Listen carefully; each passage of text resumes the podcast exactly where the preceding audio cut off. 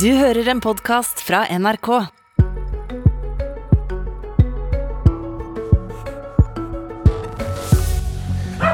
Nå er vi på Arnstad Vestre. Det er en gård som har vært i slekta mi i snart 300 år. Eh, Så jeg bor i det lille huset, og så bor søstera mi i hovedhuset. Navn, Marit Arnstad, alder, eh, 60. stilling.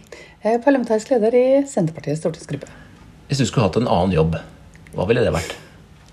Altså, da jeg var ung, da hadde jeg lyst til å studere historie eh, og jobbe med historie. Eh, Men etter hvert som årene gikk, så har jeg tenkt at jeg skulle gjerne ha jobba med noe praktisk. Jeg skulle gjerne vært gartner eller kålbruker. Marit Arnstad, velkommen til Politisk sommerkvarter. 7,6% det er snittet til eh, Senterpartiet ved inngangen til sommerferien. På denne tida i fjor så hadde dere 17,6 Hva er det som har gått gærent? En del av det som slitasjen og fallet i vinter har å gjøre med eh, frustrasjon hos folk. Eh, frustrasjon over eh, kostnader knyttet til energi, over at det ikke finnes noen enkle løsninger om å forandre kraftmarkedet. Og også frustrasjon knyttet til andre kostnader som øker. Men har ikke akkurat sånne enkle løsninger knytta til kraftmarkedet eksempel, vært en av grunnene til at Senterpartiet har vokst?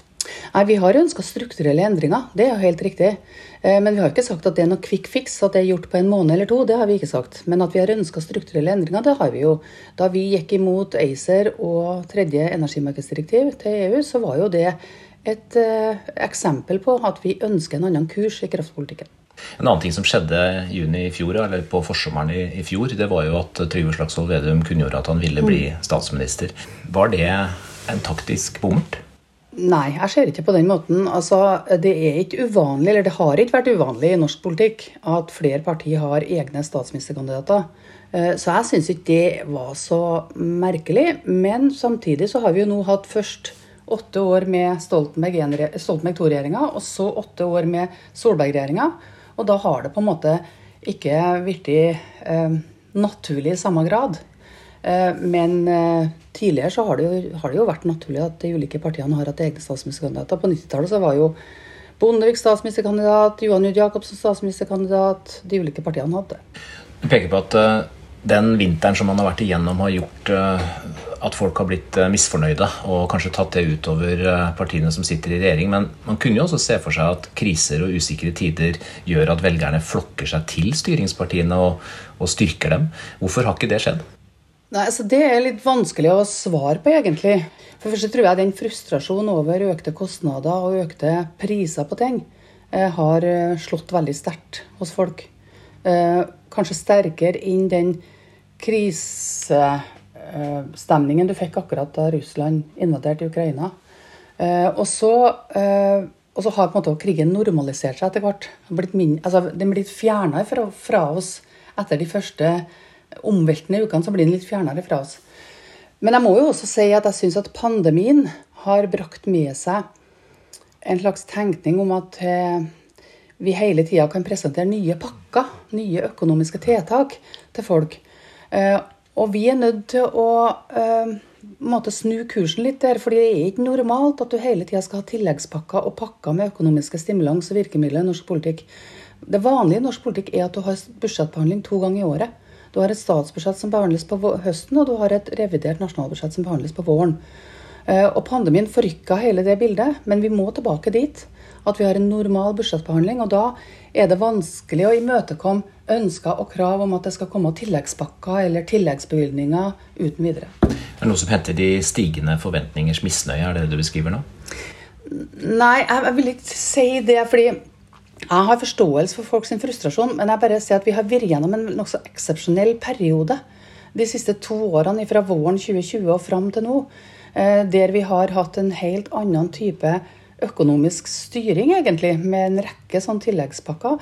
Det er jo ikke det normale i norsk, i norsk politikk. Det er ikke det normale i norsk statsstyring. Og vi må tilbake til det som er det vanlige. Er du redd for at eh, Norge og den politiske debatten kan ha blitt endra varig ved at man har blitt vant til at politikerne kan eh, legge nye milliarder ekstraordinært på bordet dersom det oppstår en uforutsett situasjon? Jeg håper ikke det, fordi det vil være veldig uheldig for det norske samfunnet om vi, om vi helt fjerner oss fra den tenkninga at det finnes noen rammer og noen grenser for hva, eh, hva det offentlige kan eh, bruke av bevilgninger.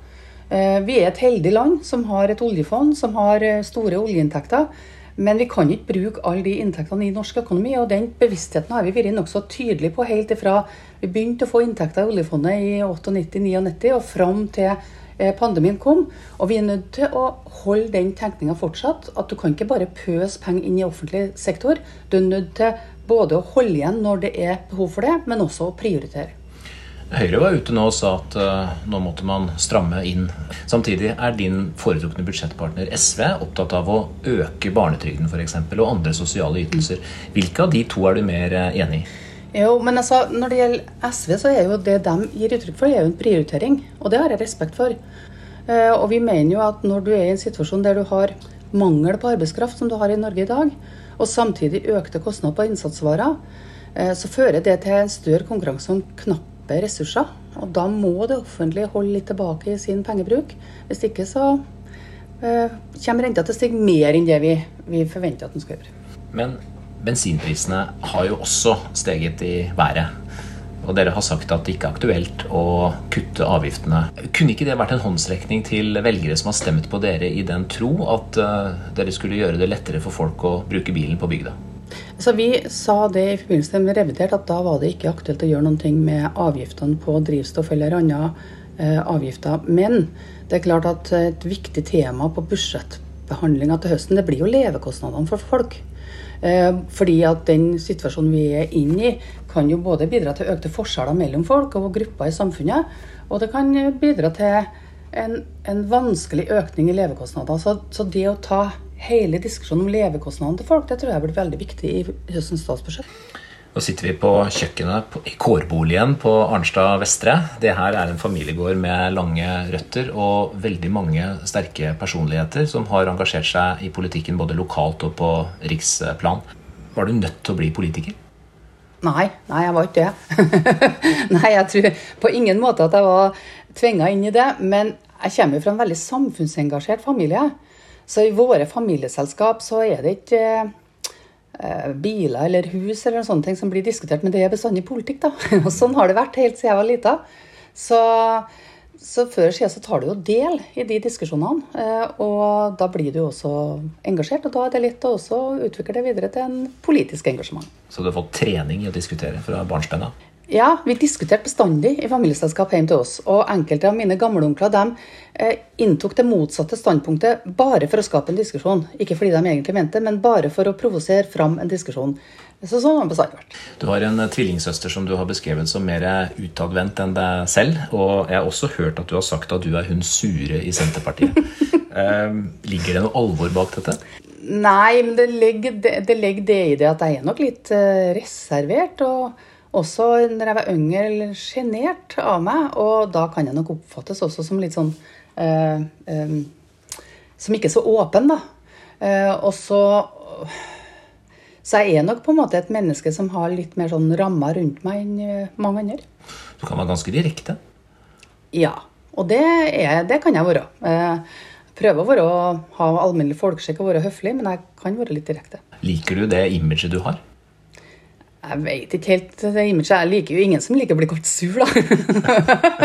men, men, å være sånn å være litt sånn bestemt, det kan jeg gå, det gjør meg ingenting. Altså, jeg mener at det, det må være skvært og være litt direkte og ha gjort seg opp en mening. Er det sånn at uh, Senterpartiet ledes av en good cup og en bad cup? Nei, sånn er det ikke. Nei. Og jeg vet egentlig ikke om dem i stortingsgruppen men jeg ville si at jeg på en måte var sånn sur og bestemt heller, for jeg tror de ser flere sider av meg enn det kanskje du viser til utad i offentligheten. Men du har sagt at dere utfyller hverandre? Ja, det gjør vi. Det, det, gjør vi, for han er veldig, Trygve er veldig utadvendt. Eh, og han er jo ikke overhodet ikke sjenert, sånn som jeg da kanskje litt er. Eh, du har vært statsråd før, men dette spørsmålet får du gjentatte ganger. Hvorfor sitter ikke du i regjering? Det er fordi at eh, Senterpartiet har bruk for meg i Stortinget. Og fordi at jeg trives i Stortinget og ønsker å være der. Eh, og vi er en mindretallsregjering som er avhengig av å forhandle i Stortinget for å få gjennomslag for våre saker. Og da mener jeg at det er egentlig der jeg kan gjøre mest, for, mest nytte for meg. De som driver med politisk fjerndiagnostikk, de sier at Senterpartiet hadde gjort det bedre om Marit Arnstad var finansminister og Trygve Slagsvold Vedum hadde fått en annen statsrådspost. Er du enig med dem? Jeg er bare tulletøys. Hvorfor det? Ja, men altså, Det er ikke sant. Altså, for det første så syns jeg at Trygve gjør en god jobb som finansminister. Og for det andre så er jeg best i Stortinget. Hvordan er det å være ung kvinne i politikken i dag sammenligna med de erfaringene som du sjøl gjorde deg da du var fersk? Jeg tror det er ganske tøft. Jeg tror det, altså Jeg begynte i politikken på et tidspunkt der du ikke ble kritisert og kategorisert, da, verken på Facebook eller på Twitter. Debatten på sosiale medier skiller nesten aldri mellom sak og person. Den går liksom rett på person. Altså, si en ting, og du blir kalt en rekke sånn type ting som burugle, håntre, et eller annet sånt. ikke sant? Altså, det, det, det karakteriserer deg som person på en helt annen måte, og skiller ikke mellom sak og person. Og det syns jeg er svakheten med, med debatten på sosiale medier. Du og søstera di har vært med i Senterpartiet eh, helt siden Johan J. Jacobsen var Senterpartileder, og Høyre var det foretrukne samarbeidspartiet i regjeringa. Og Siden så har Senterpartiet vært i regjering med SV, men nå vil dere ikke sitte i regjering med SV lenger. Det er ikke helt lett å bli klok på hvem Senterpartiet egentlig ønsker å være venn med? Altså, Senterpartiet er et parti på en måte i sentrum av norsk politikk. og Det betyr jo at vi på en måte har vi har kontaktflater både til den såkalte venstresida og såkalte høyresida. Det er jo enkelte som har prøvd å liksom sagt at vi er en del av venstresida, men det er vi jo ikke. Vi er jo på en måte liksom eh, et parti i, i på en måte skjæringspunktet mellom høyresida og venstresida. Eh, og det betyr jo at du også, hvis du ser det i et 50-årsperspektiv, så betyr det jo at du også har skifta eh, alliansepartnere.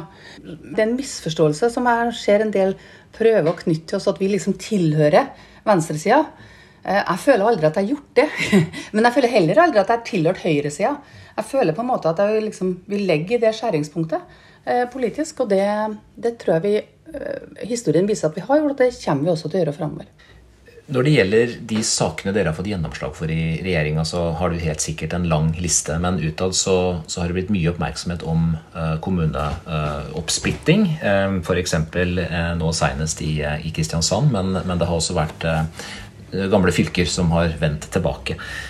Er Senterpartiet et retroparti?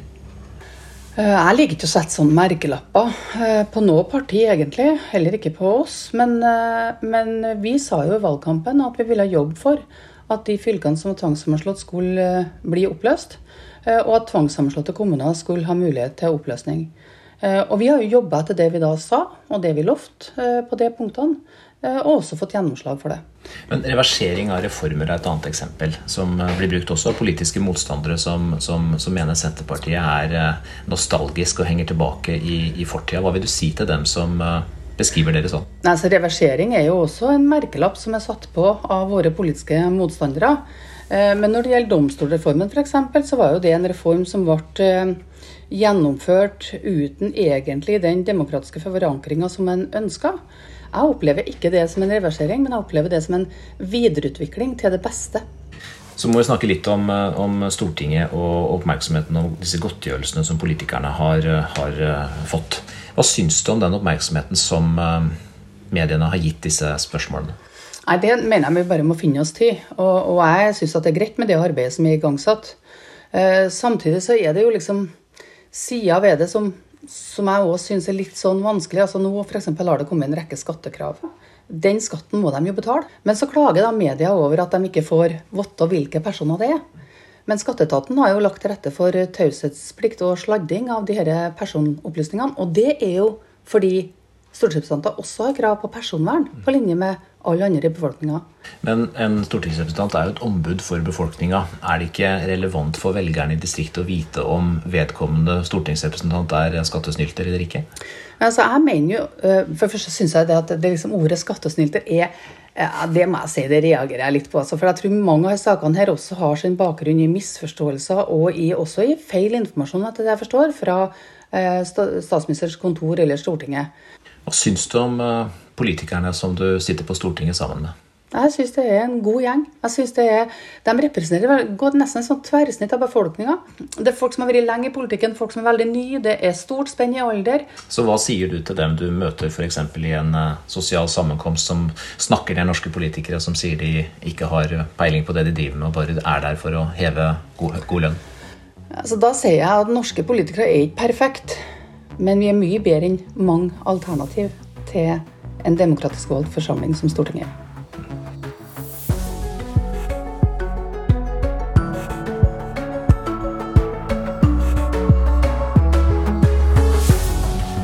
Du har hørt en podkast fra NRK. De nyeste episodene hører du først i appen NRK Radio.